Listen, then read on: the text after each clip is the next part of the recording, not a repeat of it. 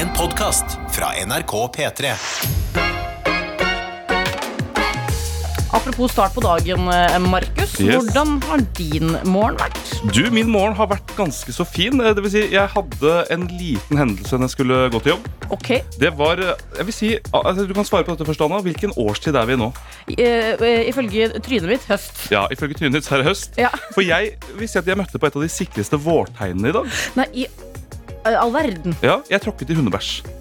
Og jeg vil si at det er, måte, det er pur vår for min del. Ja, ja, ja. For da, Den kommer jo fram sammen med hestehov og alt mulig fint. Ja. Under snøen så ligger den og venter på det. Ja. Allerede i dag tråkka rett igjen. Nei, du har, ikke, har du startet dagen med å tråkke hundebæsj? Jeg har det, så jeg måtte moonwalken vekk fra skoene mine. Det er faktisk noe av det verste jeg har opplevd. Så tidlig også. Jeg ser altså for meg, eh, bare for å beskrive da, deg som kanskje ikke vet hvordan Markus Vangen ser ut, men du er jo en høy mann med litt rødt, eh, litt rødt skjegg. Ganske alminnelig type, vil jeg si. Ja, og litt for, på en måte, Jeg syns jeg er litt for lubben til å drive og hoppe i moonwalke så tidlig om morgenen. Det går ikke an. Man er aldri for lubben til å munnvåke, det må jeg bare si. Eh, og, og det er heller ikke det det er fokus på, men du er en, al en alminnelig fyr med litt rødt skjegg som står og moonwalker. Hvor, hva var klokka? Klokka var vel da så vidt passert fem. da Ja, ikke sant. Står moonwalker i hundebæsj, og derfor er det altså to skoler når du tråkker i den. Enten så er det da bare rett ned, bam, Ja. eller så er det å skli som på et bananskall. Jeg okay. gikk for den siste, men jeg falt ikke. Du, bare, du fikk en liten sånn dytt i rumpa. En liten dytt i rumpa. Hadde jeg falt, så tror jeg hadde sagt at jeg, da må jeg være hjemme. Da må jeg ta en dag med verdighetspermisjon, rett og slett. Det er uverdig. En uverdig start. Det var Verdighetspermisjon det synes jeg fader meg er et, eh, det er et godt forslag, eh, som jeg kunne trengt sånn cirka annenhver dag. Eh, men det var en annen ting jeg beit meg merke i stad, Markus. Fordi jeg Ja. introduserte deg jo som en del av både Lekekassa som går her på P3 på fredager, og ikke minst podkasten Bærum og Beyer, hvor du er produsent. Mm. Men du kalte det også for en Securitas-vakt. Ja, De kaller meg for Securitasen, Fordi i første episode så satt jeg i hjørnet i et annet studio, for det var så lite. Og så kjente jo ikke jeg det heller, og jeg var litt starstruck, så jeg satt liksom bare med armene i kors og var sånn Ja, ja. Så på de sånn. Og så prøvde jeg å skjule når jeg lo, så ikke jeg skulle ødelegge opptaket. Men det gjorde bare at jeg så ut som jeg på en måte hata å være der. Å, fy fader. Det er så gøy når man liksom Du har en hensikt med hvordan du oppfører deg, og hvordan du tar deg fram i livet, og så blir du fullstendig misoppfatta. Ja. Blir liksom oppfattet som noe helt annet. Men uh, en Securitas-vakt det synes jeg liksom, det er en fin rolle å ha her i livet. ja, det er jo litt deilig, for da får du måte Du får litt ansvar, men ikke altfor mye. Nei, nei, du kan fortsatt ta, innta en litt sånn passiv rolle. Ja. Du står og avventer til situasjoner oppstår. på en måte Hvilke andre situasjoner i livet er det du føler deg litt som en Securitas-vakt? Og det er ofte, for jeg føler veldig sjelden at jeg får nok tiltro. Jeg føler ofte at folk tenker sånn Han klarer litt, men ikke alt. Så det er sånn, ja, du kan få gjøre det, men ikke det. Jeg føler alltid at det er et sånt forbehold når jeg skal gjøre ting. Altså, det er helt sykt, Vi kjenner jo ikke hverandre veldig godt. Markus. Det her er egentlig første gang vi har en ordentlig ordentlig samtale. Ja, det er det. Og vi er veldig like. Vi er det. Ja, ja, ja. Vi to er mer uh, overraskende like. Ja, men så gøy. Uh, så det, jeg kjenner meg veldig godt igjen det du beskriver her. Selv så er jeg nok ikke en uh, Securitas i mitt eget liv. Nei. Eh, kanskje jeg er verdighetssjef. Jeg vet ikke. Oi, du er Som, som gjør en utrolig dårlig jobb. som gjør en dårlig jobb. Nei, men jeg liker, vet- nei, vet du hva jeg liker å kalle meg? Jeg liker å kalle meg manager. Manager for deg selv? Jeg er manager for vennene mine. Ja. Jeg, er manager for, jeg liker å få ting til å skje, dra ting i gang, motivere, legge planer. ikke sant? Eh, blant annet så har jeg en, eh, en kjæreste som skulle stille ut noe greier på, noe, på en kafé i Trondheim. Null planer whatsoever for denne utstillingen. Ja. Ingenting. Vi kommer dit, jeg bare du, ikke, liksom- du må jo ha en identitet her. Du må jo ha, et, du må jo ha noe som viser Du må ha navnet ditt et eller annet sted. Ja, fader, det har ikke jeg tenkt på. Hvem løper til Søstrene Grene bort til gata og kjøper plakater, tusjer og sitter og styrer og ordner? Det er meg. Har, I enhver kaotisk situasjon så får jeg lyst til å bryte inn og drive med micromanaging. Ja, ikke sant? Var du elevrådsleder òg, eller? Det høres litt sånn ut. Jeg satt absolutt i elevrådet, men, men her er greia. Eh, Jeg, også, jeg liker å liksom være med og få ting til å skje og, og ta liksom, eh, hva heter, verv. Verv, ja. Men jeg liker aldri å sitte på toppen. Og det fikk jeg bekrefta da jeg var revysjef for Tor Heyerdahl eh, Rusterevy i 2014. At dette er ikke for meg. Å sitte helt på toppen, nei. Sitte helt på toppen, det gir meg utrolig urolig mage. Ok, Men du klarte deg med det? Det, det, vi fikk gjennomført. Ja, det er det ja, vi, og vi gikk i overskudd, så det var jammen godt. Um, men jeg lurer på, du som hører på. Hva slags rolle har du liksom utover på, en ting er jo stillingen du har på jobb, eller at du er student, eller Mm. Vi har jo alle noe vi identifiserer oss med. Sånn, ja, jeg er student, eller jeg jobber som journalist, eller jeg er eh, arbeidsleder, liksom. Det er, vi har jo alle noe som vi føler beskriver oss litt sånn sett. Vår profesjon. Det er en annen ting du Altså, du kan jo være en person som går i shorts til november. Ja. Du kan være en person som går rundt og spiser pinnis på vinteren. Hva er liksom en annen ting ved deg som på en måte definerer deg som menneske? Kanskje den, den første tingen etter det du er, da, hvis Ja. det gir mening. Kanskje veldig dårlig forklart, klokka er tidlig og jeg uh, har ikke sovet så mye, men, men det lurer jeg på. Jeg er shortsmannen, liksom, eller jeg er, jeg er øh, kakefredag-kvinnen. Nå, nå trodde jeg du hadde blitt shortsmann, så det her skjedde mye fort. Jeg kan godt bli shortsmannen, men da blir det litt kaldt på de, de bleike leggene mine. Men hva er, hva er liksom en annen rolle du har i livet ditt som du identifiserer deg med utover liksom de vanlige tingene? Det vil vi gjerne vite. Send det inn med kodeord P3 til 1987 på SMS eller en snap til at nrk p3morgen. Det her er en spennende måte å bli kjent med deg som hører på. Hvilke folk er det vi har med oss? Ja, vet du Det er veldig interessant å høre om. Er det shortsmenn som hører på? Er det fredagskakekvinnene? Altså, hvem er det som hører på? Eller er du også en Securitas-vakt i ditt eget liv? Og det her er en fin måte å grave litt dypere forbi liksom, de vante tingene, ikke sant? Det, det syns jeg det blir spennende å se om dette bærer noen frukter. Vi har satt i gang et tog her som kan gå i alle retninger, men såpass må det være Ja, når ja. det er onsdag. Og alle togbaner fører til rom. vet du Så vi, vi kommer fram til slutt. Vi kommer fram. Det er godt vi har med oss deg da, Markus Vangen. Du er en klok, klok uh, mann, og ikke minst Securitas-vakten her i dag kan hende du må gripe inn i uh, småfarlige situasjoner. Dette er NRK. Nå er det på tide å stå opp, eh, vennen min. Nå er det på tide å komme seg opp. Og da, da vil jeg gjerne bare Da vil jeg vekke deg på den måten jeg skulle ønske jeg ble vekket uh, mens jeg fortsatt bodde hjemme. God morgen, nå er det på tide å stå opp. Hei, du, du, sju. Litt sånn, litt sånn rolig. Den, den rolig der, ja. Litt sånn rolig sånn. Du, det går, ja, nå er det morgen, nå må vi stå opp. Og ikke, ok, jeg, kan jeg bare gjengi min mor kjapt her? Vis, ja. Før vi hopper inn i innboksen med hodet først. Ja. Jeg hadde rom nede i kjelleren. Det. God start Det allerede. hørtes ut som jeg ble holdt gissel. Eh, men jeg hadde rom i, i kjelleren eh, på videregående. eh, som ligger liksom ytterst i huset. Og Ja, så har det en trapp i midten av huset. Jeg trodde du mente at du hadde, altså, rommet ditt var i kjelleren på videregående. Altså på skolen din. Ja, ja. Jeg bodde der, Nei, ja. jeg bodde på videregående. Det blir så mye enklere. Ja. Nei, Hjemme i huset hos mamma og pappa. Eh, eh, rommet mitt ligger på den ene sida av huset. Vi har ganske, vi har ganske sånn rektangulært hus. Så det, er Ja. ganske, det er ganske langt. Mm. Eh, jeg har rom på den ene sida av huset. Eh, trappa er i midten, og da våkner jeg. Da har jeg allerede stått opp. Eh, bare for å understreke det, så hører jeg fra trappa Jeg må bare gå vekk fra mikrofonen her, så ikke du sprenger ørene dine, du som hører på. Anna! Anna! Nå må du stå! Hver morgen. Jeg trodde du skulle si at hun løp i trappa som Dudley fra Harry Potter, men dette skriket Nei, det, nei hun gadd ikke det. Hun gadd ikke å gå ned trappa engang. Vi roper, vi. Vi roper ned til et menneske som nettopp har våkna med en skjærende stemme. Det føles som å bli stukket med en kniv rett inn i hjertet. Eh, Så det er en oppfordring hvis du som hører på er liksom eh, vordende foreldre eller har små barn. eh, Når den tid kommer at du må begynne å vekke barna dine, ikke rop. Ikke Eller bank sånn hardt i døra. Stå i etasjen over og skrike ned. Aldri lurt. Jeg skjønte at det lå veldig latent å liksom blåse ut litt om det akkurat nå, og det var jo ikke det vi skulle. Vi skulle jo hoppe inn i innboksen, vi, Markus, fordi vi spurte deg som hører på, hva som liksom beskriver deg. Eh, utenom eh, kanskje jobbtittel eller skjønnet du identifiserer deg med, eller Hva sånne annet du er, rett og slett. Altså, er du en person som går i shorts året rundt? Spiser du is på vinteren? Det kan være hva som helst. Eh, Jeg kunne selvfølgelig formulert meg annerledes. Kanskje sånn Hvis vennene dine skulle beskrevet deg, hva ville de trekke fra? Ja. kan man jo fortsette å sende inn med kodeord P3 til 1987 på SMS eller at NRK P3morgen på Snap. Og det er altså noen som har gjort her.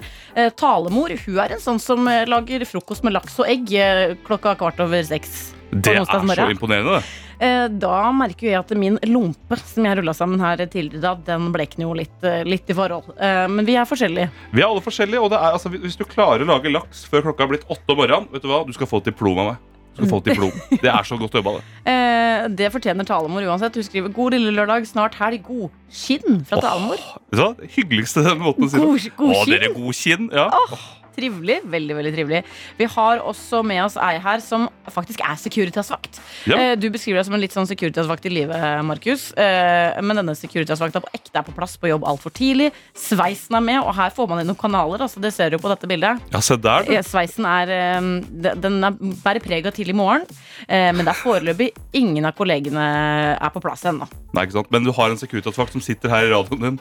Du er en sånn Du er en sånn type person, du Securitas-vakta på ekte, som mm, kommer først på jobb. Ja, det er hun! Ja, ikke sant? Person som kommer Det er jobb. sånn du er. Vi kjører litt sånn Sånn er du-pod her nå, Der Markus. sitter Nils Brenna. Vi har også en person som er eh, mamma. eh, Sort belte i taekwondo og stolt ansatt i Rema 1000. Altså, Du våkner når hun banker på døra di. Da, når hun vekker deg om morgenen, da kommer hun opp. Når hun flykicker opp døra di. Den ungen, der, den, ungen der, men, eh, den ungen der ser veldig blid på det bildet. Fram til det blir, døra blir flykickes opp. eh, tør ikke noe annet, vet du. Nei, ikke tør ikke noe annet da. Men eh, hvordan er denne personen utover liksom eh, taekwondo og Rema 1000 hans? Hun ser jo rimelig blid ut, da. Men altså, hadde jeg et sort belte jeg hadde, altså, jeg hadde gått rundt som jeg eide verden. Så Ja. da, da hadde jeg også vært blid. Eh, Verdens øh, eh, Verdensherre. Verdens- det her er altså, en verdens- verdensherre vi har med Rett oss. og slett verdens tryggeste og blideste person. ja. Vi har også med oss Daniel, som er den som alltid hjelper andre. Og koser seg med en kanelknut og litt sånn derre eh, Hva skal man si? Litt sånn musli-aktig briks. Men nå har det vært spennende å vite hvilken type Daniel er. Spiser han kanelbollen først, eller muslien først? Ja, for- Hvilken går han for? En ting er at du er en som alltid hjelper andre, Daniel, og det må du bare fortsette med. Men spiser du dessert først? Jeg spiser alltid det beste først. Ja, det gjør det. Ja. I tilfelle det skulle eh, gå helt gærent neste vending. Ja, så dette har jeg vel lært av godeste Tore Sagen. Han snakket mye om det, at vi, I frykten for at jeg skulle dø før jeg kommer til det som er godt. da Ved å starte med det dårlige. Man vil jo alltid få i seg det beste. vet du Det er jeg helt enig i. Jeg tror jeg hadde en sånn plakat på rommet mitt da jeg var yngre, hvor det sto eh, et eller annet med Eat the surfer first. Jeg er, en jeg er en robot som kortslutter nå, da. Jeg har helt glemt hva det sto på den, men det var i hvert fall veldig bra. da Det var noen oppfordring om å leve i nuet. veldig bra. Vi har også med oss en trøtt tømrer. Ja, en tete. En Tete. tete. En tete. Ja. Du er en tete. Det er ikke et dårlig kompliment, men eh, en annen festlig ting å tenke på at Jesus var jo tømrer. Kanskje det her er en Jesus i livet. Det er sant, og Han var jo også en trøtt tømrer, for han måtte jo sove tre dager før han kom seg opp. Så Å, fy faen, det er jo snart jul og påske, altså. Oi, om, To om høytider er vi kan takke Jesus for. Ja, ja, det er det. virkelig. Vi har også med oss Kristina her, og hun, har, hun er alltid trøtt. Det har jeg vært de siste 15 åra. Jeg vil aldri stå opp tidlig, jeg vil alltid sove videre. På folkehøyskolen ble mitt sitat i skoleboka 'Jeg er så trøtt'.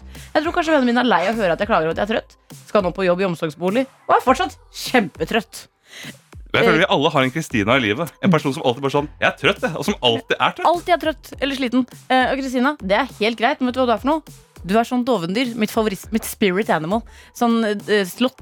Ja, for det, altså, i, det så jeg i kontorlandskapet her i går, når du skulle snu deg. Når noen sa navnet ditt det, er, det var som å se et dovendyr. Alle bevegelser var like treige i hele kroppen. Armene, hodet. Alt var treigt. Jeg vet hva, jeg respekterer å være et, eh, et eh, dovendyr, Kristina. Og så, vet du hva, jeg tipper du har mange andre gode kvaliteter som vennene dine setter pris på, selv om de er lei av å høre at du er trøtt, fordi summen av laster er konstant. Hør på hua. Ja. Er det filosof eh, Det er det du er på å si? Jeg er Filosof. filosof, eh, og også, eh, hva skal jeg si, det er noe jeg sier til meg sjøl for å cut myself som slack. Det er jo latskap å, å være tro mot det sitatet der. Det er jo det, så jeg slipper å gjøre noe med de tingene jeg ikke Eller de tingene jeg burde få bedre. Ja, men det er, det er jo sant, da. Det er alltid masse man skal gjøre noe med, men man har ikke tida til det. Dette er P3 Morgen. P3morgen. Markus, Ja.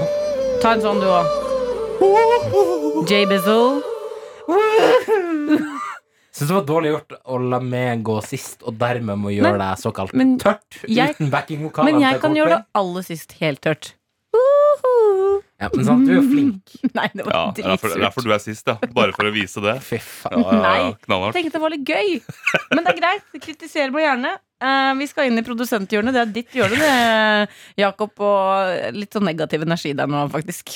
Ja, det var ikke, det var ikke meninga. Vi, uh, vi har jo vi har, vi har blitt uh, godt kjent med, med du som hører på nå, og vi fortsetter å sende inn hvem er du utover på en måte personalia? Utover hva politiet spør etter hvis de skal arrestere deg. Hva er du? Er du shortsmann? Hvem er du?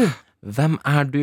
Og det kan være tøysete ting. Det kan være tøysete ting, og det fikk meg til å tenke Hvem er jeg? Oi, jeg beklager at du måtte gå inn i det. Ja, på den måten. ekstremt eksistensielt klokka ti over halv eh, sju på en eh, onsdag. Dette skulle være en hyggelig greie, men så bare ga jeg alle psykologer over hele landet litt mer jobb.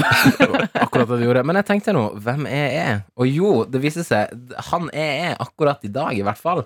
er mann med 1000 kroner cash I i lommeboka. I 200-lapper! Make it 200-lapper. rain! Ok, hva skal- skal du på Blaze, en strippeklubb i Oslo etterpå. Eh, jeg skal ikke på Blaze, en strippeklubb i Oslo etterpå. Det jeg skal, jeg skal på eh, et uh, sted Jeg har ikke helt bestemt meg hvor, men jeg skal på et sted som har Mac lader. Macintosh. Ja. Lader. Jeg skal nemlig kjøpe lader, og de er så parodisk dyr! Jeg vet hva, Det koster så inn i helskottes mye. Ja, det er så helskottes mye. Det er, jeg tror vi snakker Jeg tror vi runder tusenlappen. Så jeg aner ikke om det jeg har med meg, som er da 1000 kroner i 200-lapper, om det er nok. Grunnen til at jeg har cash kontant, er fordi at nå gjennom en lang pandemi så har jeg hatt såkalt kontantangst. Eh, Ikke angst, men jeg har vært meget forsiktig med å betale kontant. Mm. Eh, fordi jeg da eh, For det første så er det jo en smittebærer i større grad enn å bare beepe med kortet, selvfølgelig. Men òg selvfølgelig dømminga man får av de butikkansatte, som er på sin plass. Men jeg er redd jeg, jeg blir dømt. Å, ja, du kommer her med kontanter. Ja, du skjønner ikke at det er smittefarlig. Så jeg har ikke betalt med kontant i det hele tatt. Mm. Og da har det jo balla på seg. Altså Under senga di nå så er det fullt av lapper. Altså, Jeg skal ikke si adressen min i tilfelle noen som har lyst til å, til, til, å, til å komme på natta og ta alle kontantene mine, men det er fullt av lapper. Det er akkurat det det er. Så nå eh, begynner prosessen ved å kvitte seg med de her lappene eh, gjennom å da f.eks. kjøpe Macintosh-lader. Ja, ikke sant? Kan jeg bare arrestere deg på én ting? Veldig For nå gjorde du en sånn greie hvor man liksom, du legger alle pengene i hånda di, så skyter du utover bordet. Ja. Det er alltid så flaut når folk gjør det. Og så når de begynner å plukke det opp igjen etterpå det, det, For da-. For da skal man først virke som en storkar, og så er det sånn Nei, jeg skal faktisk ha penga. Så jeg må bare ta det tilbake her. det er enormt nedverdigende. Det er litt som når du mister en 20-kroning, og noen bare tråkker umiddelbart på den. Så det er sånn som, ingen, som noen prøver å stjele den umiddelbart. Det er, bare, det er 20 kroner. Det går fint. Men, men det dukker jo opp et betimelig spørsmål her, Jameson. Jameson. Um, hvorfor har du alle disse pengene hjemme?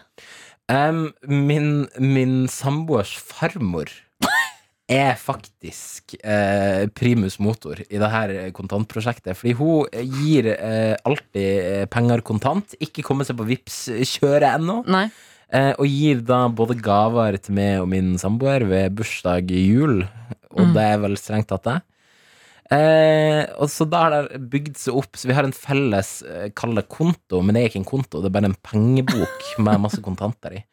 Så nå må jeg liksom Nå må jeg dyppe tåa tilbake i det vannet som er å betale kontant. Og det gruer jeg meg til, for jeg, jeg vet ikke om jeg er komfortabel med det lenger. Her må man bare finne en eh, selvtillit eh, et på et eller annet magisk sted eh, inni seg. Jeg tror også det. Men jeg må også spørre, da, siden du, var så, du fryktet å bli dømt av de butikkansatte. Mm. Dømmer dere farmor, som da gir kontanter? som en smittekilde? Dømmer dere farmor? Ikke som en smittekilde. Men Eh, andre men, men, men det er 2021. Ja. Det er mulig å, å få på noe vips. Stakkars farmor, da. Du må da få lov til å gi kontanter. Er min farbror Hun sier altså, det føles ikke som man gir noe hvis man overfører det på konto. Den er jeg helt med på. Jeg Ja, ja. jeg litt gammel At de holder på det litt uh, autentiske og nostalgiske. Å herregud, nå flyr Nå- ja, de det- 200-lappene. Altså, det er jo deilig å, å, å, å kjenne på Og de var- papiret. var og, og, og ha litt bomull mellom hendene, Absolutt. Som man sier. Eh, Min farfar har faktisk klart å komme seg på Vips Ja. eh, men har ikke skjønt helt hvordan det funker. Så på bursdagen min i fjor eh, så fikk jeg da melding på Vips 1000 kroner. Det er lurt, da. Det er, 1000 kroner. kjempe- det er kjempelurt. Eh, så det var tusen takk, farfar, for absolutt ingenting. Ja, han klarte det etterpå. Han fikk sikkert hjelp av tante Cecilie. han kunne ha bedt om 1000 kroner. Det kunne han, Det det er- ikke noe faktisk også Gratulerer med dagen. Eh, Gi meg Gi 1000 kroner. jeg håper at uh, når jeg har bursdag Jeg har faktisk ikke så lenge til jeg har bursdag, så håper jeg farfar eh, vippser meg. Så skriver han 'Don't spend it all at once' på engelsk. Ja. Det har han null forutsetninger for å gjøre, men jeg håper han gjør det. Jeg håper han gjør det Vet du hva? Eh, farmoren til din samboer Ida J. Wessel, hun syns jeg faktisk er ganske hun er, Her er hun en, et eh, prakteksempel. Hun hun er et godt eksempel. Hun er dagens helt. P3 Morgen. P3morgen. Men det er ikke med de to det pleier å være. Det er nemlig med vikartøyter Markus og meg. Anna, det har dukket opp et betimelig spørsmål i vår SMS-innboks. eh, Nemlig Ingvild her, som skriver 'God morgen'. Supert med vikarer i P3 Morgen, men hvem er dere? He-he. Skrudde på noe og kjenner ikke igjen stemmen deres, og det er jo ikke så innmari rart.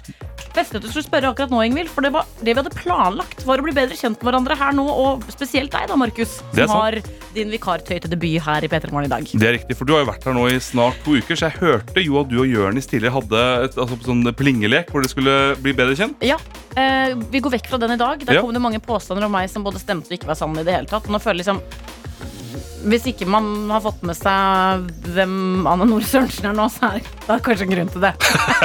det er en grunn til det, og det, det står jeg godt i. Det er greit. Eh, jeg er ei gladjente fra Larvik, og eh, ja, sånn er det. Det. Eh, men Markus, deg har jeg fryktelig lyst til å bli bedre kjent med. Ja, det skal du få lov til. Og nå har vi jo hatt en lang runde her på liksom litt de, rare, ikke mer sånn selvsagte tingene. Vi kom fram til at du er jo en Securitas-vakt i ditt eget liv. Riktig. Eh, det setter jeg pris på. Vi, det, er, ikke sikkert at vi har avslutta den runden, men nå skal vi faktisk over til personalia. Vi skal til noe som gjør meg nostalgisk, og som kanskje du som hører på har et forhold til, nemlig vennedagbok. Vennedagbok, ja, ikke sant? Eh, jeg vet ikke, Det var kanskje mer vanlig for jenter enn for gutter da vi var yngre. Hadde du vennedagbok? Jeg hadde ingen vennedagbok, men så hadde jeg ingen venner heller, så Det gikk fint. Nei, jeg bare tuller. Men jeg hadde ingen vennedagbok, nei. Dessverre. Men jeg så jeg, det kan, Det er liksom ikke et fenomen jeg kjenner til, for jeg så ingen andre hadde det. Nei, ok, Jeg kjøpte ofte da, enten Diddle eller da jeg ble litt eldre, Topp vennedagbok. Ja, oi. Topp dagbok, Hvor det var sider hvor venner kunne fylle ut. Ja, ikke Og det var ikke så mange av de, så de var litt eksklusive. Ja, Så da skal du få lov å fylle ut en av sidene i vennedagboka mi, Markus. Er det Diddle, eller er det Hva var det andre som Topp? Topp. Ja, Det er Topp, det er ungdomsbladet Topp. Ja. Vi starter bare med fullt navn. Ja. Markus Vangen. Alder. 26 år. Eh, klengenavn. Klengenavn. um, det er noen som bare kaller meg altså, Ofte så blir bare navnet mitt forkortet. Fjerner marr, så blir bare kuss. Så jeg kan kalle meg kuss. Altså andre ting. Sultenkuss hvis jeg er sulten. Sånne ting. Bare slenge på kuss på et annet ord. Å, det er gøy. Så i dag Ja. du en morgenkuss. Morgenkuss. Det høres jo ikke bra ut, men eh, vi aksepterer den. Favorittfargen din. Blå. Eh, favorittmaten din. Å, den er vanskelig. Det er så mange forskjellige. Men jeg kan si nå, siden vi nærmer oss jul, medisterkaker. Hva er det du ikke liker? Eh, Lakris. Hater det. Her har vi Ok, vi, ja, dette er et problem. Eh, hva er du flink til? Hva er jeg flink til? Jeg vil jo si at jeg er ganske flink til Jeg holdt på å si å være blid. jeg er trist fyr. Da har du ikke mye Jeg er fattig klemt frem. Jeg er flink til å sprø godt Jeg er så flink til å være blid, jeg. Selv når livet går meg imot. Nei, um, det er hyggelig. jeg. ja, jeg vil jo se det er det. Jeg er alltid blid, som regel. Eh, hva er den beste boka du har lest? Åh, nå har Kasper skårer mål. Nei, Den beste boka jeg har lest, uh, Harry Potter, et eller annet uh, Å fange fra Skaban', kanskje. Ja, Den er god, den. Ja, den er Jeg har ikke lest den, men jeg har sett filmen. Eh, den, apropos film, hva er den beste filmen du har sett? Det er vanskelig, men jeg er veldig glad i The Dark Knight. Altså den andre i den der Batman-trilogien. Christopher Nolan. Aha, ikke sant? Mm. Heller ikke sett. Eh, Du har ja, lest boka? eh, nei, Nei, ok. jeg har ikke sett noen Altså, jeg har seriøst ikke sett noen filmer. Eh, jeg så Tenet for første gang her om dagen og skjønte ikke en dritt. Nei, det Jeg var gjorde på ikke jeg kino i går, da. Det var jeg jo. Eh, når blir du glad? Jeg blir glad altså jeg vil si, hver bidige dag. Uansett, altså jeg finner alt å være, være glad for. Selv nesten da jeg tråkket i hundebæsj i dag tidlig, så var jeg glad for det. Tenkte da har jeg noe jeg kan snakke om i dag. Ja. Etter at jeg begynte å lage mye radio, så er jeg sånn Ok, dette suger jo, men det er i hvert fall innhold. Det er akkurat det. Du, altså, jeg blir glad av det meste. Så når du moonwalka deg ut av en hundebæsj i morgendag, så tenkte du it's content, baby. Ja. uh, men hva gjør deg trist? For noe må gjøre deg trist, selv om du er en gladfyr. Ja, det jeg blir trist av, er urettferdighet. Jeg tuller. Jeg er ikke Du Miss, er meg da jeg var tolv. jeg er Miss Norway. Jeg Miss Norway. Hva gjør meg trist, da? Jeg, vet du hva? Jo, nå skal jeg si noe som gjør meg trist. Og det er, veldig, det er en, sånn sett en dårlig egenskap. Men når jeg er på kino Mm. og ser barn med foreldrene sine på kino, så blir jeg veldig trist. For da tenker jeg at dette barnet har ingen venner å gå med, men det barnet kan være fem år og kunne ikke gått alene med vennene sine. Men jeg blir alltid fylt av sånn tristesse. Da sånn Stakkar dette barnet som er på kino med moren sin. Så det er, veldig, det, er, det er ikke noen grunn til å være det. Veldig sånn lite typisk ting å bli trist over, men jeg satte pris på å, å få greie på det nå, holdt jeg på å si. Ja. Eh, hva er din største drøm? Min største drøm eh, jeg, å, det, det er jo et dritvanskelig spørsmål. Min største drøm er egentlig bare alltid ha det gøy og bra. Det er min største drøm. Og det føler jeg at jeg klarer ganske så godt. Men, ikke, men kanskje mer konkret. Min største drøm er Altså min aller største drøm er på en gang i løpet av livet fullføre et maraton. Er det det? Men Men det tror jeg alle kommer til å klare. Eh, Markus, det, et halvmaraton, da, kan vi si. Ja, det, Og det er, kan, vi, det kan vi løpe sammen. ja, kanskje det. Dette er NRK. Vi må nesten bare titte en liten tur inn i innboksen, for vi har også spurt deg som hører på. Hvem er du, utover liksom de selvsagte eh, tingene? Og vi har jo jammen fått svar. Det har vi. Vi har jo blant annet, eh, vi snakket jo tidligere om eh, når, altså, hvordan vi spiste mat. Hva vi spiste først. Ja. Det beste eller det som ikke var så godt. Jeg tenker Det definerer en person. Er, spiser du dessert først eller, eller etterpå? Og der har vi fått en person som har sendt den her. Jeg har alltid spart det beste til slutt. Var på restaurant i Syden da jeg var yngre og spiste kylling med pommes frites. Sparte pommes fritesen til slutt da jeg likte den så utrolig mye bedre. Og så var hun da akkurat ferdig med å spise kyllingen, klar for selve premien. Og der kommer kelneren og rydder vekk fatet mitt. Ble ganske lang i masken, kan man si. Burde kanskje skifte over til Markus sin taktikk. Og ja, det burde du. Alltid pommes frites først. Nei, hvis jeg ja. på Mækkern, spiser pommes frites først, og så burgeren. For den blir jo fort soggy, vet du. Det er også en annen greie. Ja, og det, det er jo Jeg vet ikke. Nei, jeg er helt enig. Men hva slags Eh, kelner er dette da, som rydder vekk fatet fullt av pommes frites? ja. Går ikke an. Vi har en høne å plukke med deg. Eh, vi har også en eh, eh, med meg her som er glad i å ta på seg verv. Ja. Jeg stikker alltid hodet fram og får ansvar servert på sølvfat. I tillegg til å ha 100% jobb, så har jeg en 25% deltidsjobb, styreleder i sameie og styremedlem i Velforeninga, pluss Heimevernet på si. Kan fort bli litt mange baller i lufta. Dæven, ja. ja. Der høres det ut som det går i et evig kjør. Jeg, har, jeg må bare si at jeg eh, eh, har Jeg kjenner meg Jeg relaterer meg til veldig mange som hører på som sender inn i dag. Vi har også en med beslutningsvegring her. Guten morgen! Hvem er jeg? Laktoseintolerant med beslutningsvegring. Burde jeg spise denne porsjonen med rømmegrøt eller ikke? Den smaker jo sabla godt, men da ble jeg gæren i grekeren med renaræv i fire timer. Livet er fullt av vanskelige valg. God onsdag morgen. Ah, jeg kjenner meg igjen. Sånn har jeg det hver mandag. Jeg skal tenke sånn, Nå skal jeg leve sunt denne uka her, så er jobben ferdig. Rett bare er litt da. Jeg spiser snacks hver dag. Samme er Hver dag. Smash skader ikke nå. Å, det kan ikke skade. Og så har vi en her som kan begynne å jobbe på NRK Tyholt, der hvor jeg vanligvis er. Jeg er hun som omtrent alltid går rundt på sokkelesten på jobb, og da helst ullsokker. Det gjør også alle mine kollegaer. Eh, mener jo at vi må ha på vår sko, men kos deg med ullsokken, da. Gjør Gjør nå for all eh, del eh, det. Fortsett å sende inn. Det her er hyggelig. Ikke vær quiet. jeg prøvde meg på en liten overgang der. Hæ? Den må, den må til. Ikke, du, ikke siter meg på det. Ik ikke vær quiet. Det er låta du hører her nå. NRK P3.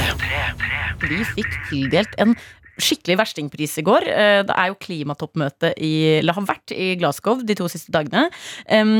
Vi, altså Norge er jo egentlig et land som får mye sånn internasjonal positiv oppmerksomhet. Vi er de gladeste i verden, vi er de rikeste i verden.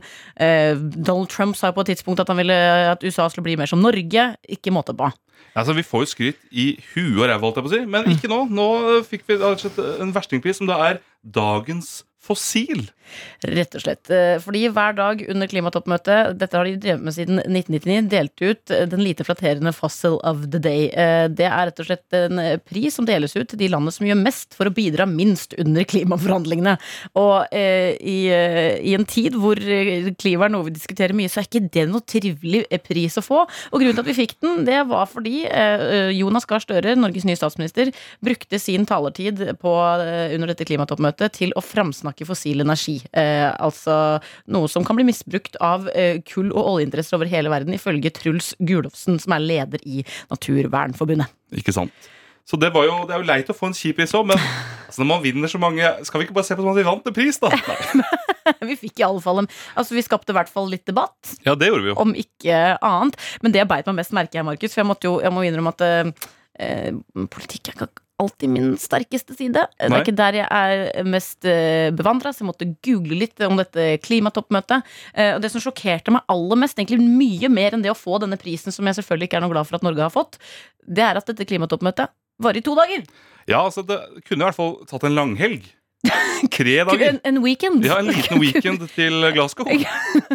Hadde vi rekt mye mer. Vi kan ikke løse klimakrisa og komme fram til gode løsninger på to dager når alle verdens ledere skal eh, opp og snakke. Tenk når vi, brukte to dager, altså. Vi brukte to dager på dette, så det er ganske gjennomarbeida greier. Jeg tenker liksom, når P3 skal ha seminar, ok at det varer to dager, det holder for min del, men ikke når vi skal løse klimakrisa. Nei, det er, jeg har seminar på, til P3. Tre dager. Det er lenger enn klimatoppmøtet. Hva tror du de har gjort for å liksom effektivisere disse to dagene på best mulig måte? Åh, nå spør du vanskelig, for jeg er altså, er sikkert korte lunsjer, da. Bare en halvtimes lunsjer, ikke lenger. Det føler jeg er det viktigste. Uh, matproduksjon også er jo en, eh, et bidrag til at uh, klimaet ikke alltid går så bra, så dere får ikke mat. Dere får ikke Dere mat. får ikke mat, så vi kan komme raskere i gang med møtene. Det er kanskje derfor Støre var litt uh... Vi skipper lunsjen, ja. Da får vi brukt mest mulig tid. Skipper lunsjen. Vi starter klokka seks om morgenen. Fader. Å, nei, vet du hva. Jeg er eh, eh, ikke syns det er kjipt med verstingprisen, men jeg er glad for at det er noen andre som går inn i de klimaforhandlingene enn meg, for å si det sånn. Å, tenk hvis det var vi to som satt der. Ja. Det hadde vært noe. Ja, nei, vi skal kutte Vi kutter lunsjen i Norge. Det er vårt forslag. Ingen spiser lunsj lenger. Vi går videre. Å, fy fader, da hadde det ikke sett bra ut. Det er lenge til lunsj, da, Markus. Klokka er jo bare halv åtte. Ja, Og den lunsjen, den skipper vi. Den skipper vi i dag.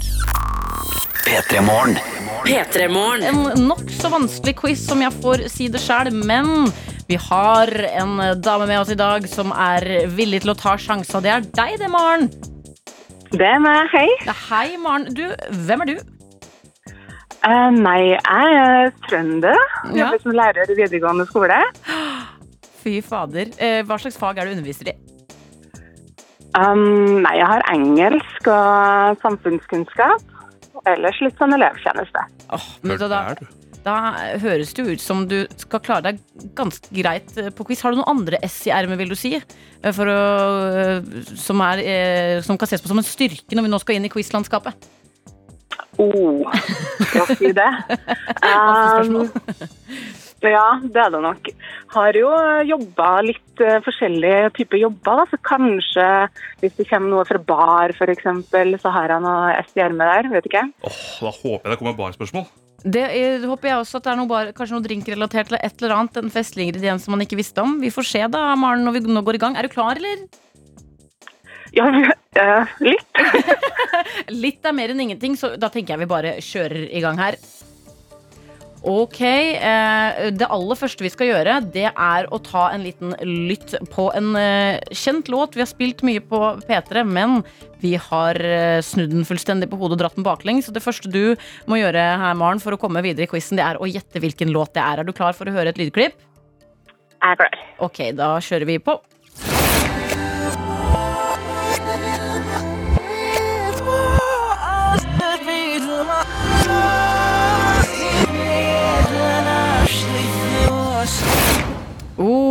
Hvilken låt var det?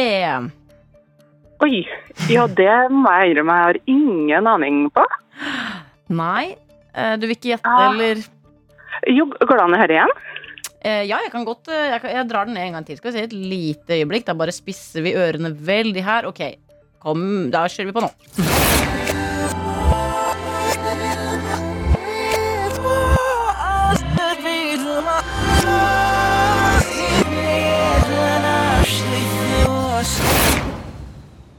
Ok, Jeg tenker jo alltid når jeg hører på quizen at det her er jo lett. Den kjenner jeg. Men den, eh, den her har jeg ingen snøring på, så jeg tror bare jeg gjetter den derre uh, Meet me at our spot, selv om jeg hører det ikke er den. Okay. Så kommer jeg ikke på noe bedre. Så det er ditt endelige svar? Jeg tror det får bli det, altså. Ok, da får vi se da om det stemmer. Nei, riktig. Ah, Åh, det- dessverre var det feil eh, svar, Maren. Men Ja. eh, ingen skal gå tomhendt hjem uansett hvordan det går i P3 Morgens vanskelige quiz. Du har jo ønsket deg en låt som trøstepremie. Nå skal vi til eh, Bergen. En artist som heter Aurora. Hennes Cure for me. Hvorfor er det akkurat den du har lyst til å høre i dag? Nei, for det første så er det jo en banger, tenker jeg. Og det kommer til å gjøre dagen min mye bedre her. Ja. Og for det andre så skal vi i dag på skolen ha temadag eh, i folkehelse og lystmestring. Og jeg tenker budskapet til Aurora i denne sangen er jo spot on for en sånn dag. Virkelig, altså. Det er jo helt ti av ti. Det er jo det. Oh, det her syns jeg var så nydelig at vi kunne få være med inn i starten på din arbeidsdag, hvor du skal gjøre så viktige ting for elever. Jeg må bare si, jeg skulle ønske vi hadde fokus på det da jeg sjøl gikk eh, på skolen som Maren. Jeg må bare takke deg for at du er en av de som bidrar med utrolig viktig opplæring for unge folk. Ja, så hyggelig å høre på morgenen. NRK P3. Det synger Kamelen, og du vil ikke tro hvem som satt og jamma med til den låta her. Det er en dame som lukter utrolig godt, det må jeg bare si. Lilly Bendriss, og ikke minst Robin Hofseth. Velkommen til P3 Morgen. Ja, tusen takk. Hvordan er Mariann egentlig? Dere har stått opp klokka seks i dag, begge to. Ja, helt fryktelig. Altså, jeg synes det gikk greit når vi først uh, våkna til. Ja, jeg, jeg, Men ja, starten var hard. eh, starten var veldig hard. Det var veldig fristende å legge seg og si Skal jeg jo si jeg er syk? Ja, du er en sånn type altså, som kan bli litt frista til det. Jeg blir veldig frista. Men så er jeg så disiplinert når det jobber, at jeg tenker nei, jeg kan, det kan jeg faktisk ikke gjøre. Og så, jeg, jeg skal ikke, du er jo her fordi du eh, driver med en profesjon som er veldig spennende, men jeg må bare si, du har stått opp klokka seks, vurdert å ringe og si du er sjuk, men jeg, jeg, jeg blekner i forhold her hva gjelder eh, sminke og, og hvordan man ser ut. Du, du, du har stått opp klokka seks. Fy fader, lille Bendis. Jeg må si du ser veldig godt ut. Ja, men det, det, det sier jeg tusen takk, da. Du også, Robin. Absolutt. Ja, men det er ikke like mye du har ikke like definerte øyebryn. Nei, jeg har ikke jobba like hardt for det. Du har ikke det. Hvordan er du som morgenmenneske?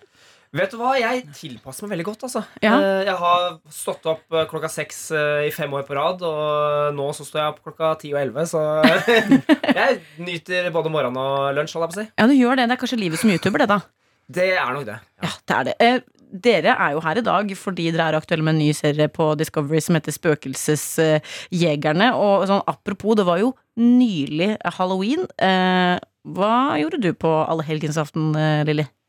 Nei, du, jeg sto jo tidlig oppe den dagen også. Fy faen, og, og var på God morgen Norge. Snakka om hekser. Oi! Oi. Ja, for i sommer så var jeg skuespiller og spilte heks i Hekseringen på Fløyen i Bergen. Nei, fy fader, så Og det var fantastisk, skjønner du. Ja, Wow. Men eh, da det ble kveld og litt sånn Nei, den, altså, jeg har jo aldri vært på halloweenparty. Det kan ikke jeg tro på. Jeg har aldri vært på halloweenparty. Jeg, jeg, altså, jeg snakker med de da, daglig, så hvorfor skal jeg feire det? Nei, ikke sant. Sånn tull og tøys. Nei, men vet du hva? Jeg, jeg gikk som meg selv. med, med stor hatt. Og fikk masse e-mail av folk som hadde kledd seg ut som meg. Så da tenkte jeg da er det innafor å være meg. Men det kan jo du gjøre. Ja, For du er såpass kjent og såpass kar eh, karakteristisk, karakteristisk er ordet, at du bare Jeg kler meg ut som meg sjæl. ja Den beste versjonen av meg selv på halloween. Ja, jeg gjorde det. Ja, Den er ikke dum. Vi skulle nesten samlet alle som hadde kledd seg som deg. Og sagt, Ja. hvem, altså Finn den eh, ekte Lilly Bendriss her. Jo, men jeg var jo på et program her er det to år siden, da. Hvor jeg kom i en leopardkåpe, og ute i gangen så står det en dame Det var halloween. Så står det en dame i le eh, kledd seg ut som meg. Det husker jeg. Jo, Pia-tid. husker du det? Husker- Ah, fy faen. Ja, det var jo bare så gøy. For en hyllest. Eh, gøy at det var mange Lilly Bendriser ute og gikk på halloween. Hva gjorde du, Robin? Vet du hva, jeg altså, Jeg var veldig heldig og var invitert på fester. eh, men eh, jeg valgte å være i hula mi og redigere, rett og slett. Ja. Så, Hvorfor det? Nei, altså Jeg eh, tenkte at vet du, nå skal jeg prøve å spare energien eh, til jobb akkurat nå, for jeg skulle jo på premierefest da på mandag i tillegg. Ja. Ja. Og eh, jeg skulle til å si at jeg har blitt i den alderen hvor jeg ikke har lyst til å feste flere ganger i uka, men uh, Så har vi noen som er strekere enn meg, tydeligvis, når en er litt eldre. ja fordi, uh, hvor gammel er du, Robin? Jeg er 30. Og du, Lilly? 75. Fy fader. Og dere har liksom blitt en duo. ja. Vi har det. Men det er jo det som er så gøy, at jeg har fått med meg disse her unge Unge, nysgjerrige Robin, vet du, som er litt skeptisk. Hva, er dette? Hva er Til dette? spøkelser. Ja. Men det er, jo litt av, det er jo litt av opplegget, da. At det er jeg som har erfaring, mm. og tar inn og gjør sånn som jeg alltid har gjort, mer eller mindre. Og så, Robin, hvem er dere? Nei, altså, jeg og Victoria da eh, Victoria er da programleder eh, for Spøkelsesjegerne. Og så kom jeg da eh, rett og slett inn eh, Jeg traff rett og slett gullegget. da eh, Jeg skulle hjelpe henne bare. Og så så de at jeg Jeg var jo en veldig nysgjerrig person. Mm. Og så har jeg jo en eh, relativt kvantitativ og analytisk bakgrunn. Ja. Så da blei det bare til at jeg passa. Altså, Jeg blir jo fryktelig nysgjerrig på det her, og vi må høre mer om hvordan det gikk da dere slo dere sammen i Spøkelsesjegerne som går på Discovery nå. Dette er Dette er NRK.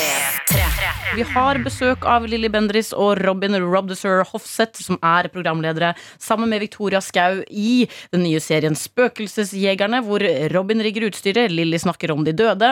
Victoria snakker med noen som har kjennskap til bygget, eh, og ja, vi kan jo ta en liten lytt på hvordan det her faktisk høres ut når denne trioen går sammen for å jakte spøkelser. Har det blitt gjort ting mot dere mot deres vilje? Det er ekstremt creepy. Hva føler du nå, Lilly? Det er mye Not energi. good. Akkurat nå så er det not good. Hallo? Hallo? Hvem er det som går i trappene? Altså, jeg, må, jeg, blir, jeg blir sterkt preget når jeg hører Lilly Bendriss si 'not good'. Dette er not good. Eh, deg, Lilly, har vi jo sett i Åndenes makt Ja. i mange år. Ja. Men nå ser vi altså et helt nytt program på Discovery, nemlig Spøkelsesjegerne, som vi hørte lyd fra her. Hva slags program er dette? Det er et helt annet konsept, da. Eh, hvor på Åndenes makt skulle vi selvfølgelig balansere, hjelpe de over, ikke sant. En redningsaksjon, kan du si, men her skal vi verifisere sted som har rykte på seg til at det skjer ting. Veldig mange mennesker har opplevd ting. Så vi kommer inn som en sånn eh, team da, og jeg med det jeg gjør, er det noe her? Er det noen som kommer? Er her en historie? Og så er vi jo på sted som er tusen døde, ikke sant? Eller tusener av døde. Så det er mange historier. Men noen løfter seg opp og kommer inn. Og det interessante er jo da at uh, verifiseringa er, er der i meg. Jeg ser det jeg ser. Og så er det da at jeg snakker til dette apparatet som eh, reagerer og svarer meg. Og jeg må jo si at eh, folk tror sikkert at dette stager, men det er det faktisk ikke. For det blir en samtale hvor det gir lyd, og, og, og jeg kan jo ikke noe om det, det er jo Robin sin ting. Men helt amazing, egentlig. Ja, for Det er ganske interessant å se altså, samspillet med disse håper jeg, duppedittene som du har med, Robin. Og eh, Hvordan har det vært å jobbe med Lilly? Nei, altså, jeg kom jo inn helt fersk uh, i gamet. Ja. Jeg var jo i utgangspunktet en eh, gamer som uh, var på YouTube, og så plutselig så kom jeg inn hit. Uh, og det har jo vært veldig interessant. Jeg har jo vokst opp med å se på Lilly via mamma, da, som har vært superfan av Åndenes makt. Og, og faren min altså sitter og liksom knuffer litt bak avisa der og ler, på en måte. Ikke tror helt på det som Nei, han er der. helt stikk motsatt. Altså, jeg har vært litt imellom der, og så har jeg syntes det var veldig interessant å se hvordan Lilly jobber. Uh, og jeg òg har jo tenkt det her ser for godt til å være sant ut. Og når jeg da fikk forespørsel om jeg hadde lyst til å være med, så tenkte jeg vet du det her er en mulighet for meg å se hvordan det faktisk er. Uh, og jeg ble jo også da uh, veldig glad for å se at ingenting var staged, uh, og at alt som skjer der, det skjer, da. For du bruker jo et sånn, eh, hva skal man si, et slags måleutstyr som måles f.eks. temperaturer. Da gir den utslag når det endrer seg temperatur i et rom, som jo skal være et tegn på at her er det liksom liv etter døde. Hvordan var det første gangen det liksom gjorde utslag på apparatet? Hvordan, hva slags følelser er det som gikk gjennom kroppen din da? Jeg ble veldig glad. Eh, og så jeg, jeg fikk veldig mye frysninger. Eh, rett og slett fordi jeg hadde jo med meg apparatene hjem eh, eh, først for å da lære meg det. Som sagt, det var jo, Jeg var jo fersk på det da jeg først begynte med det. Eh, og da Det kom jo ikke noe utslag. Så for meg så var det sånn Vet du det her, det her blir kleint. Uh, Ja, nå skal jeg på. TV. Jeg kommer ikke til å ha noen effekt. Jeg kommer til å stå der med tomme apparater. da Men uh, apparatene måler da elektromagnetisk uh, stråling, temperaturendringer. eh, og så har vi også en ultralydsensor, blant annet. Eh, og eh, når jeg da så at eh, apparatene reagerte, eh, spesielt da på Lilly, når eh, Lilly tok kontakt, så tenkte jeg bare det her ser rigga ut. Her ser ikke. Fordi jeg må, Vi har jo tatt en sneak peek, selvfølgelig. Og Ja. det er, jeg kan jo ikke lyve. Man blir jo helt sånn Hvordan er det ja. mulig, liksom? Eh, Og det som kanskje skiller seg litt ut i den serien her fra f.eks. Åndenes makt, er jo at dere besøker steder som er kjent for å være hjemsøkte. Det er Ja. blant annet eh, Luster sanatorium, Fredrikstad fengsel og Gamle Deichmanske bibliotek i Oslo. Uh, Du, Lilly, har jo ofte da hjulpet folk som føler at hjemmene deres er hjemsøkt, eller sånne ting. Da blir det jo veldig privat, men nå er det jo mer offentlige steder. Hvordan har det vært å besøke disse stedene?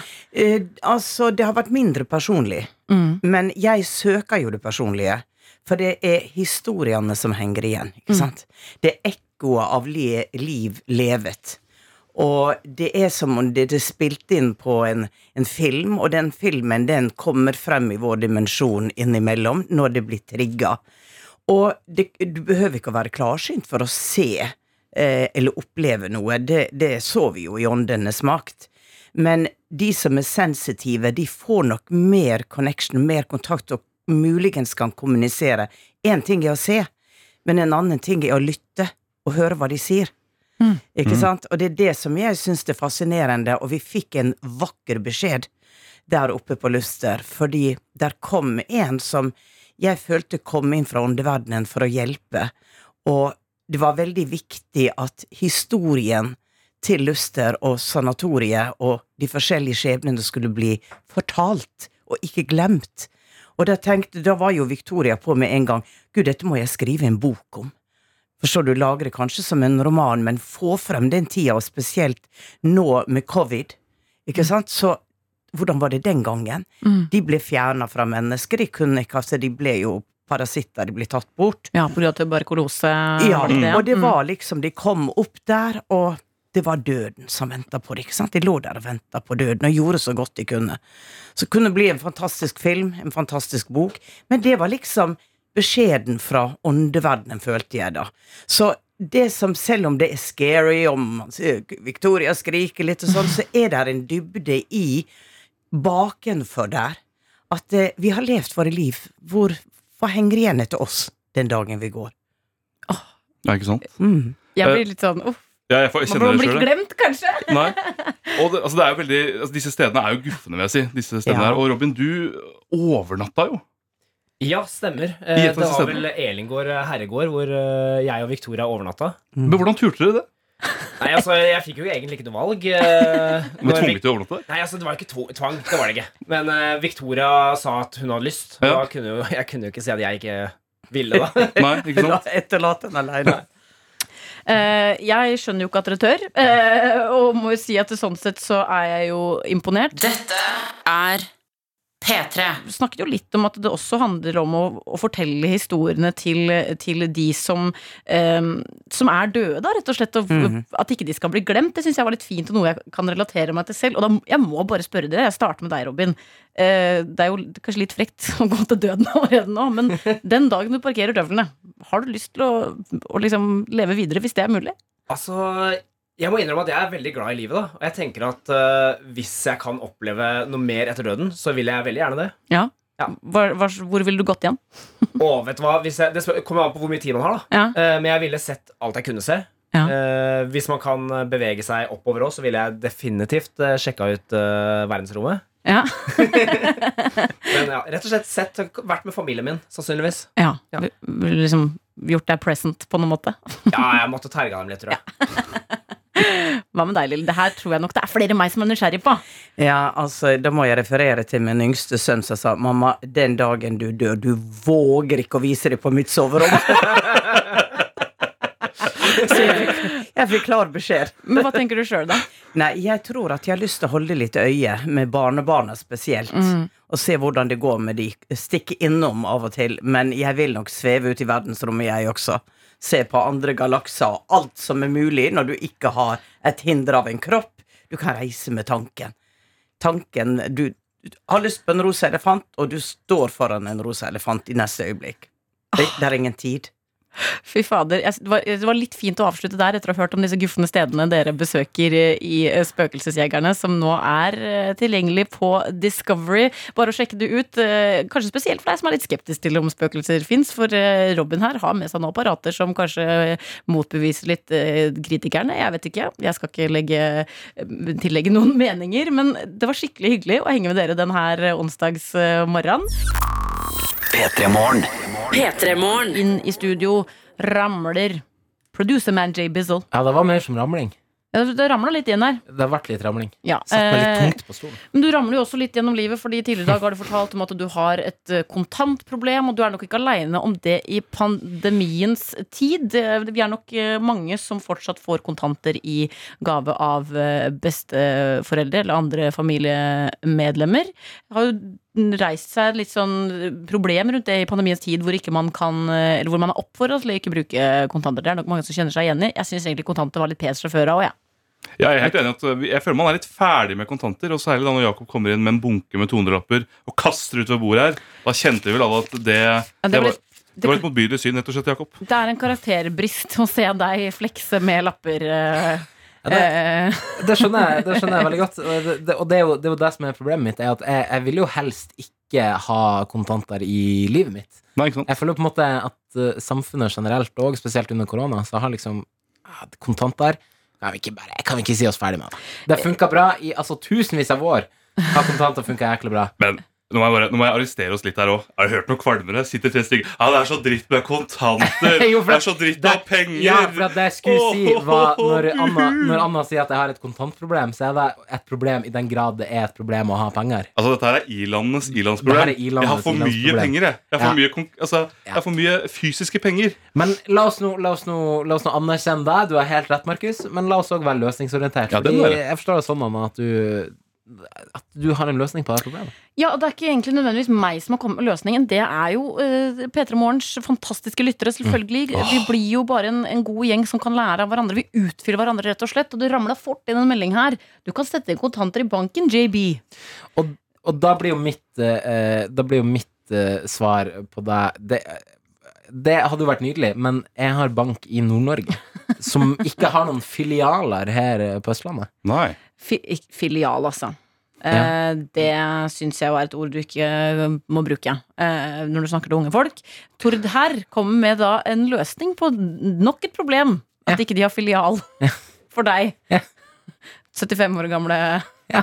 Jakob. Jeg går i banken, jeg. God morgen. Om du ikke vil betale kontanter, kan du gjøre bankinnskudd i kassa på vanlige matbutikker. Og det minte meg på at det har jo jeg gjort. Sier? Jeg har gjort nettopp det, og det tar meg til et eh, øyeblikk som eh, gjør at jeg tenker på at man skal stå i den man er noen ganger. Ja, det skal man. Jeg, eh, av en eller annen grunn så hadde jeg plutselig masse kontanter hjemme.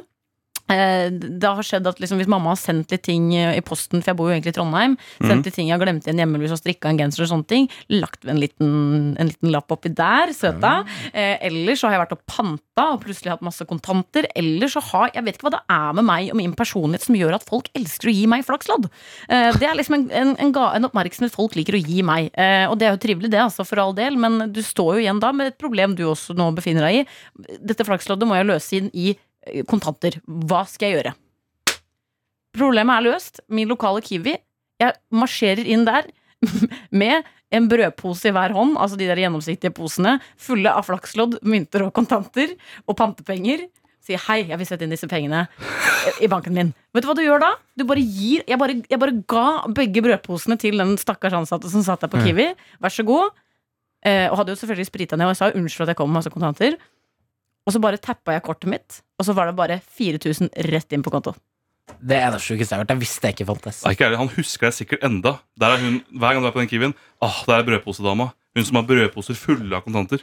Vet du, moralen i historien her er egentlig ikke at du kan sette inn eh, eh, kontanter eh, bare i vanlig kasse på matbutikk. Det er egentlig at når du står der med brødposene, på den måten som jeg gjorde, eller andre, andre ting hvor, hvor folk rundt deg kan tenke Oi, der har vi en karakter. Da må man bare stå i det. Jeg, jeg skammer meg ikke et sekund. Jeg, jeg har blitt sånn at det der syns jeg egentlig det- ble en god historie. Ja, men det er noe man husker. Kan jeg bare komme med et lynkjapt tips? Jeg? Ja. Et annen løsning. Fordi Jakob sier at han er 75 år. Hva med å bare gi det videre til andre, da, i gave? Rett og slett bare sende Regift kontanter. Regifte kontanter. Bare send problemet videre til andre. Da har du, to løsninger. Drit i å regifte teflon du får til. Du kan, du kan regifte kontantene Det er nesten sånn når du åpner på bursdagen din, umiddelbart ser det, gir det videre til en annen. Vær så god. Gratulerer med dagen. er P3. Vi løste et lite problem for vår produsent Jay Bizzle her nå nettopp. Det gjorde vi. Han klagde over at han hadde for mye kontanter, stakkar. Å, jeg har for mye penger, jeg. nei, Det er så kjipt kjipt å være penger, Jakob, jeg gitt. Så- Gråter mynter. Ja, gråter mynter, ja, ikke sant? Og du hadde løsningen ta med deg alle penga dine i en brødpose og bruk bank i butikk. Mens mitt tips var da bare å rett og slett regifte det og sende det videre. Eh, men det er andre problemer som også trenger å løses, Anna. Ja, fordi det er ikke bare kontanter som det er mye klaging over om dagen. Jeg vet ikke om du har fått med deg eh, furoren eh, Tine har skapt ved eh, lanseringen av deres nye yoghurtskjeer. Altså, Du må ikke spørre om jeg har fått det med meg. Du spiser yoghurt med henda! Det går jo ikke an å bruke de små skjeene. Eh, eh, spesielt da i denne tid hvor vi er anbefalt å ikke liksom ta så mye i ansiktet med hendene. og sånne ting Du må jo sleike vekk altså, en halv yoghurt av hendene etter at du har spist med de små Det skjeene. blir jo nesten en ansiktsmaske, for du gnir deg så mye i ansiktet med yoghurt overalt. Så får vi se om den funker på høsthuden eller ikke. Men vi har altså med oss en her som har kommet med eh, en løsning på dette problemet. Og nå trenger vi ikke noe klage noe mer over det. Eh, Det skal jo sies at denne personen jobber eh, som murmester. Ja, murmester, det så jeg fordi det sto logo på buksa.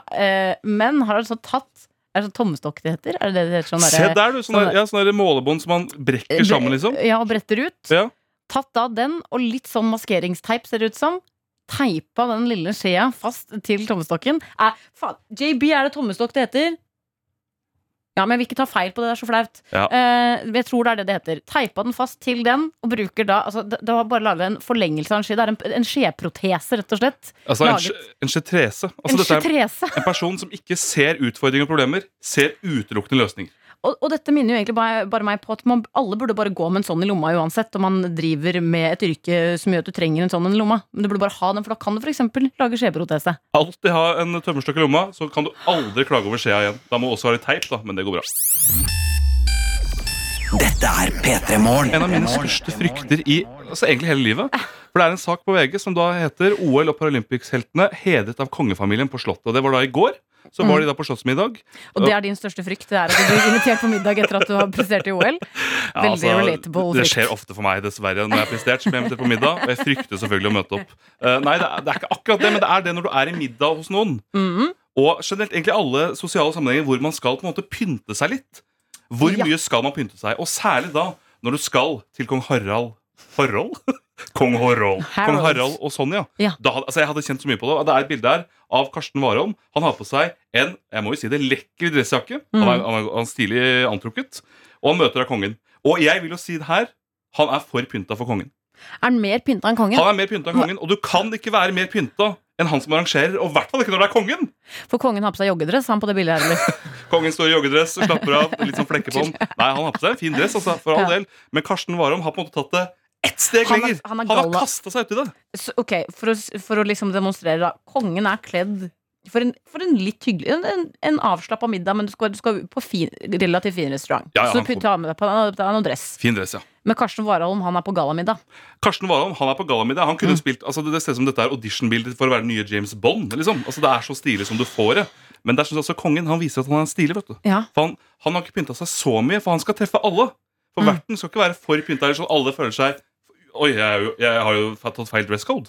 Ja, Det der synes jeg er kjempevanskelig, for jeg er en person som ikke liker å pynte meg nevneverdig. Nei. Men jeg liker heller ikke å komme et sted og føle meg for lite pynta. Jeg har jo faktisk en venninne som pleier å si til meg Anne, jeg liker så godt når du kler deg feminint. Ja. Det sier jo litt om hvor lista ligger hva gjelder pynting.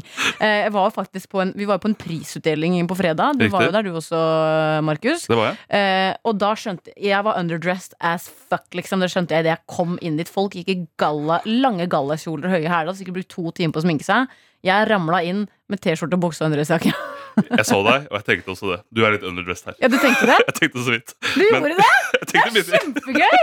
Jeg Er det sånn, sant? ja, Da kjente jeg det ikke overhodet. Så jeg var sånn Går an å prøve. An å prøve. men Men, jeg følte meg motsatt. For jeg, jeg hadde på meg en litt sånn à la som Karsten Warholm har her. Ja. Og jeg fikk, da fikk jeg veldig Jeg har aldri fått så mye kommentarer på en dressjakke. Jeg var sånn Jeg har åpenbart gått feil. Jeg har blitt for pynta. Jeg har blitt han fyren, jeg. Var det komplimenter, eller var det liksom kommentarer? Det var blanding av komplimenter. Det var blant annet Det, det, det fikk være fin. Ser veldig varm ut. Er du veldig svett under? Fordi jeg da i tillegg har noen ekstra kilo å bære på. Men jeg syns du var fin. Det var ikke det, altså. Men du fikk jo hvert fall Du fikk jo noen kommentarer. Det var ingen som sa et eneste ord til meg om antrekket mitt. Og jeg vet faktisk ikke om det er bra eller dårlig.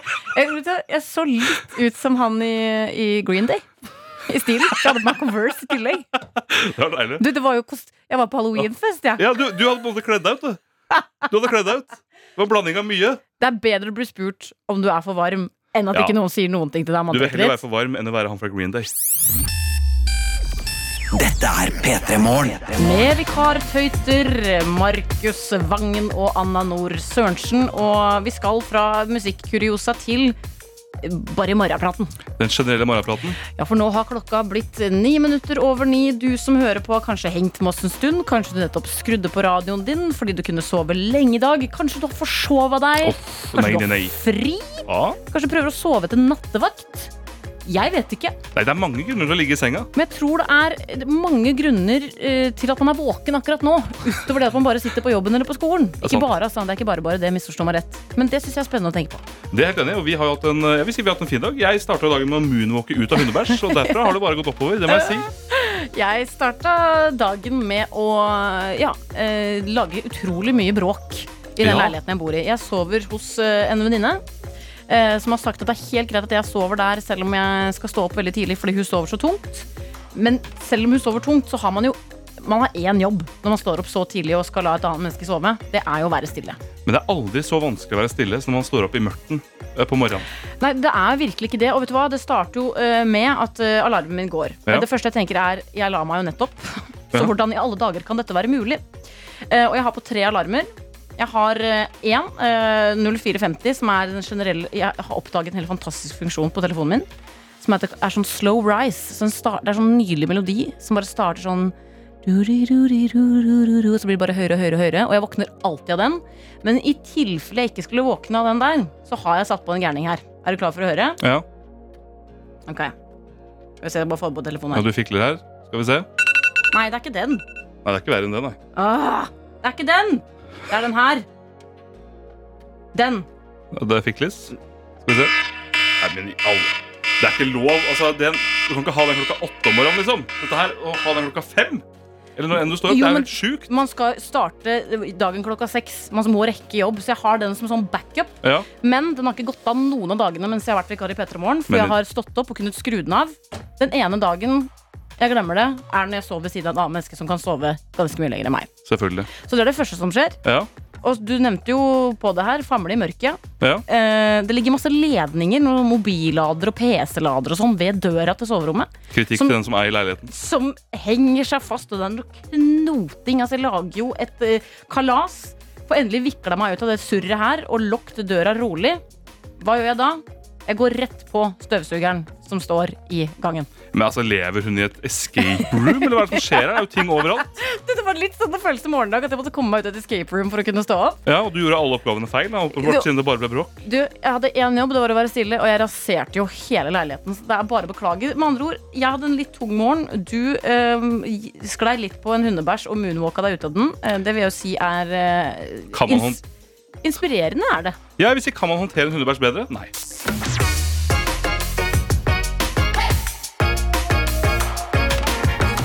Du har hørt en podkast fra NRK P3. Hør flere podkaster i appen NRK Radio.